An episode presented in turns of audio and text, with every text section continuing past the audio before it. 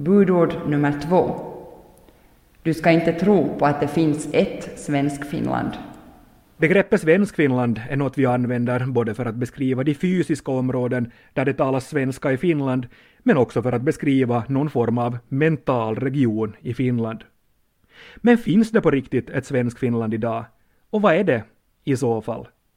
Frågan går till den person som under de senaste decennierna sannolikt forskat mer än någon annan om den här konstruktionen Svenskfinland.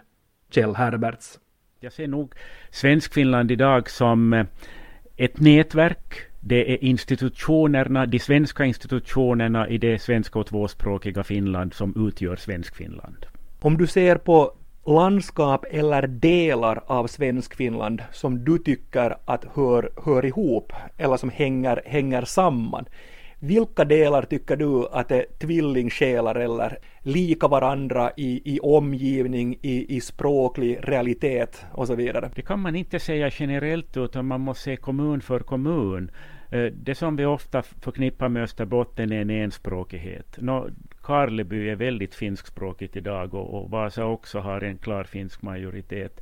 Och, och, när vi talar om Nyland så talar vi också om österbottniskt perspektiv som ett tvåspråkigt finskdominerat område. Det finns ju många levande svenska enklaver i Nyland också. Och sen Åboland är intressant alltså. Om man tar befolkningsstatistik och språkstatistik från Åboland så är det faktiskt ett tvärsnitt av hela Svenskfinland.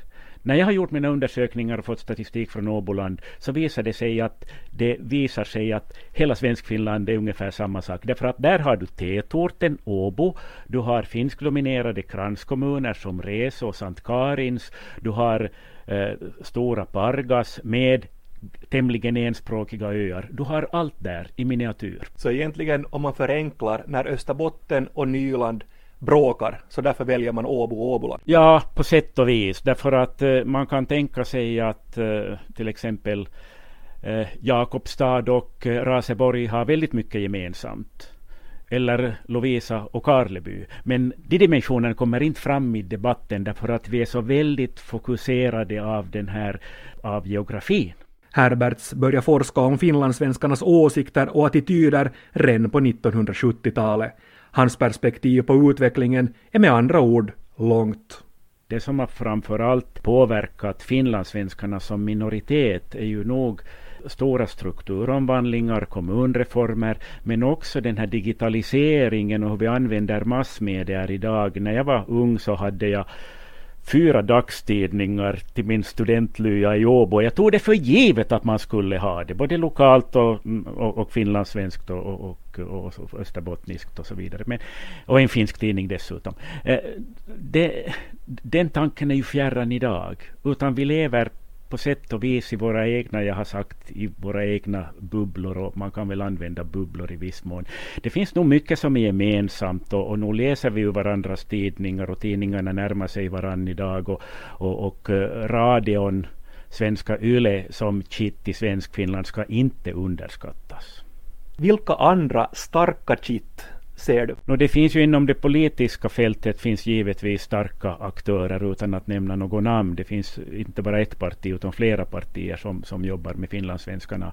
Och, och sen har vi nog organisationer, institutioner som eh, eh Borgå stift och Nylands brigad. Det ska också givetvis nämnas här. Och sen tror jag nog utbildningsenheterna och våra gemensamma organisationer och i förlängningen fonder är nog viktigt också för det här sammanhållningen i, i Svenskfinland. Kjell Herberts var mannen som skapade de finlandssvenska opinionsundersökningarna som går under namnet Barometern. Med åren har han byggt upp en massiv databas om finlandssvenskarnas värderingar, val och åsikter. Med tanke på hela konstruktionen Svenskfinland är det speciellt en trend som oroar honom. En polarisering som jag har tyckt mig se, det är att det genuint tvåspråkiga, kanske huvudstadsregionen och, och, och Nyland liksom går sin egen väg därför att där kan man leva på två språk. Man har individuella färdigheter i finska och på det viset blir svenskan hotas där inifrån genom att det blir mer och mindre ett hemspråk, inte ett språk i det offentliga rummet. Medan då i Österbotten så kan man fortleva ett gott liv på svenska med köksfinska som hjälp och, och, och där har man då en annan syn på språkfrågorna och eh, att ha en gemensam strategi för minoritetsspråket svenska eller för nationalspråket svenska blir väldigt svårt därför att våra vardagsverkligheter och vårt beteendemönster skiljer sig så pass mycket. I de här olika verkligheterna är det svårt att hitta gemensamma nämnare, då förutom språket. Det gör att ett genuint samarbete mellan de olika delarna av Svenskfinland blir svårt. Man får inte för mycket av finlandssvenskt samarbete och eh, tyvärr tycker jag nog att det har blivit sämre med åren därför att vi lever eh, ett rikt liv i våra lokala och regionala sammanhang.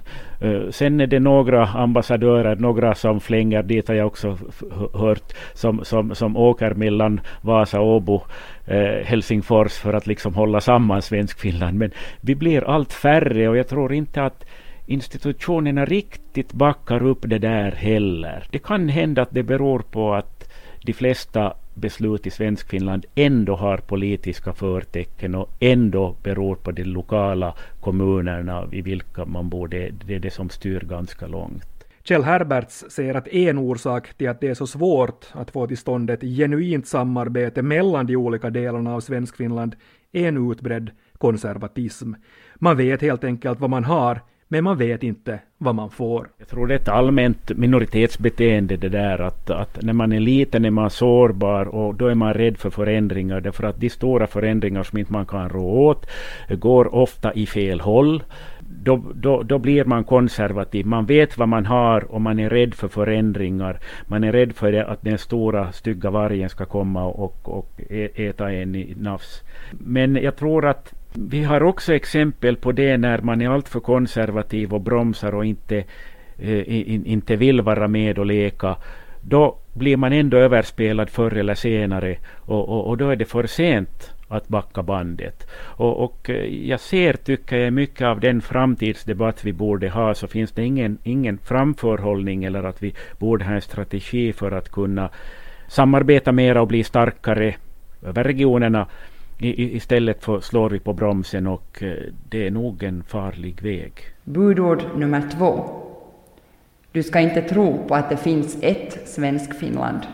Den organisation som uttryckligen jobbar med konkret finlandssvenskt samarbete heter Finlandssvenskt samarbetsforum.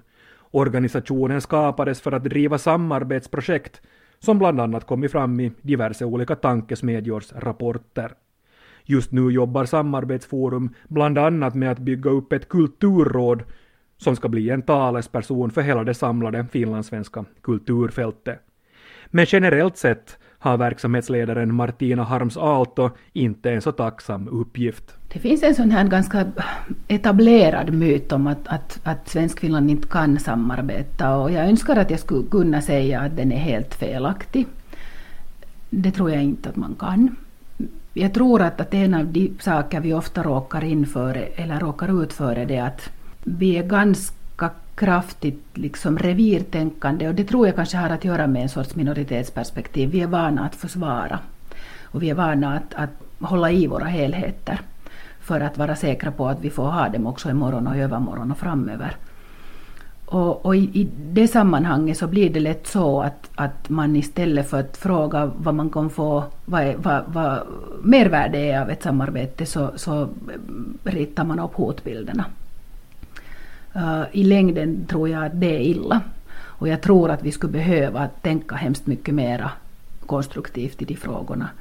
Samtidigt så tror jag att vi ska vara helt ärliga. När vi går in i sådana samarbeten så ska vi säga att här finns saker som vi inte är villiga att offra. Här finns saker som är så viktiga för oss i den här organisationen att, att vi, vi, på dem ger vi inte avkall.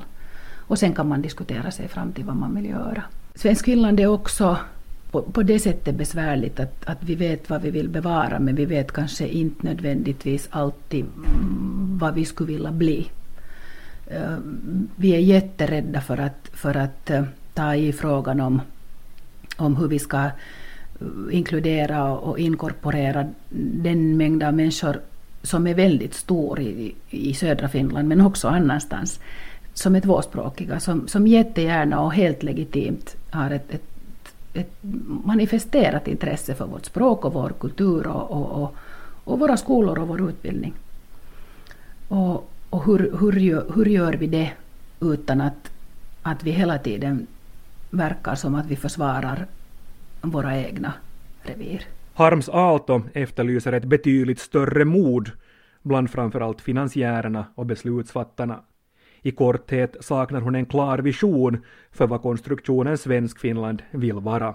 Vill man uppnå bra saker och, och, och bra synlighet och, och, och få strukturer och helheter som stöder en, en, en ganska trängd språkminoritets dagliga liv, så, så måste vi nog vara mera förutsättningslösa när vi börjar. Och kanske sen fundera i någon helhet, och det är kanske mest finansiärernas ansvar att fundera, att vad, vad, vad ska de där målsättningarna vara?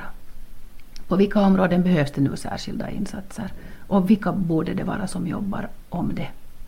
Vi har ju jättemycket ad hoc, ad hoc mm, Finlandssvenskt samarbetsforum har tror jag uppstått, jag var inte med själv på den tiden, men, men jag tror att det har uppstått väldigt ad hoc. Jag tror att många av de här helheterna som, som vi har idag är, är sådana som har uppstått ur ett konkret behov att få till stånd någonting bra. Och, och så har de ganska snabbt blivit ganska etablerade. Och, och frågan är att, att, att borde de i betydligt högre grad samarbeta under någon sorts gemensamt paraply. Så i korthet, så du, du efterlyser mera strukturella samarbetsprojekt? Ja, det gör jag. Men, men med den brasklappen faktiskt att de, de går inte att föreslå från en, en liksom middle management nivå. Det måste vara de som, de som bestämmer som, som föreslår strukturella förändringar, det tror jag. Förutsatt att inte någon är så modig att den sätter sig ner och på riktigt ifrågasätter sin egen verksamhet. Martina Harms Aalto har en lång och bred erfarenhet av att jobba med finlandssvenska frågor. Hon har bland annat jobbat inom tredje sektorn, i universitetsvärlden, inom politiken och i medievärlden. Jag frågar henne om vilka de största misslyckandena är ur ett finlandssvenskt samarbetsperspektiv det är aldrig trevligt att peka ut enskilda misslyckanden men, men kan man väl kanske säga att på utbildningssidan i Svenskfinland finns det nog exempel på, på processer som gärna skulle kunna sluta annorlunda och kanske också skulle kunna untervägs medan de höll på vara, vara annorlunda. Sammanslagningen av, av Arkada och Novia är väl ett, ett, ett, ett klassiskt exempel där, där många, tror jag, idag ser att, att det hade varit bra om det hade gått annorlunda. När jag ställer samma fråga, det vill säga om stora misslyckade finlandssvenska samarbetsprojekt, till yrkeshögskolan Arkadas långvariga rektor Henrik Wolf, ja då blir svaret detsamma. No, jag tänker på att vi borde ha lyckats få ihop Arkada och Novia. Det är alldeles klart, eh, men inte kan jag nu skylla på någon att det gick så här. Det är lätt att skylla på den andra parten, men inte skulle jag nu säga det utan att, utan att tiden var kanske inte då mogen av olika orsaker jag tror ju fortfarande att det skulle vara en, en, en lycklig väg. Eh, men då måste bara, bara vi då sen, sen då sätter liksom målsättning, ambitionen, kvaliteten, excellensen i första rummet. Det är nu kanske en, om nu inte en ödesfråga så en framtidsfråga. Lite kan man kanske säga att om någonting frustrerar mig så kanske det var att vi inte lyckades här i det senaste försöket. Kjell Herberts nämnde tidigare att många samarbeten stupar på en allmän konservatism bland minoriteter. Martina Harms Aalto säger i sin tur att det faller på ett utbrett revirtänkande. Henrik Wolf lyfter fram en tredje förklaring till att det är så svårt att uppnå ett större samarbete. Jag skulle, jag skulle kanske ändå trots allt säga att det handlar mera om förtroende jag kan säga så här att jag tror ju att ett problem som vi hade när vi senast försökte göra Arkada Novia var att vi började verkställa före vi visste vad vi skulle verkställa. Att, att innan, innan vi hade en klar vision och framförallt höll fast vid den vision som vi hade. Att, vi, vi ville, att man ville åstadkomma en ny stark högskola som skulle kunna leverera mera av det som högskola, det som samhälle, fin, Svensk-Finland och världen behöver. Jag har ju alltid sett högskolans roll, men en viktig, en viktigt element i högskolans roll är att faktiskt skapa en värld som som är hållbar också för kommande generationer, att vi måste gå utanför liksom det här snäva uppdraget. Eh, jag vet, det, blir, det blir kanske lätt en prestigefråga i offentligheten men mest handlar det nog om internt liksom förtroende och, och, och, och, det att man har skapat, liksom, skapat en samsyn kring, kring vad man egentligen vill åstadkomma. När jag avslutningsvis vänder på frågeställningen och frågar om större lyckade finlandssvenska samarbetsprojekt, ja då blir det genast svårare. Ingen av de jag intervjuar hittar på rak arm något riktigt färskt exempel. Men Martina Harms Aalto hittar ett exempel på ett mindre samarbetsprojekt som man eventuellt generellt också kan lära sig någonting av. Ett som jag gärna lyfter fram är faktiskt, det har redan väldigt många år på nacken, men var, var från tiden, tiden när Martaförbundet samarbetade med, med det där SLC och Natur och miljö i en Östersjökampanj. Och, och, på något sätt är det kanske väldigt, väldigt beskrivande att det var, det var så att säga lätt för att, för att det var lätt att enas om vad målet var var och en. Det finns ingen som tycker att Östersjön borde vara smutsigare. Så, så, så det, var, det var lätt. Men det intressanta var ju att, att sammanföra bönderna och, och miljörörelsen eh, så att säga via Martorna. Mm. Och, och, och den typens liksom ganska förutsättningslösa Eh, förhandsinställning gillar jag.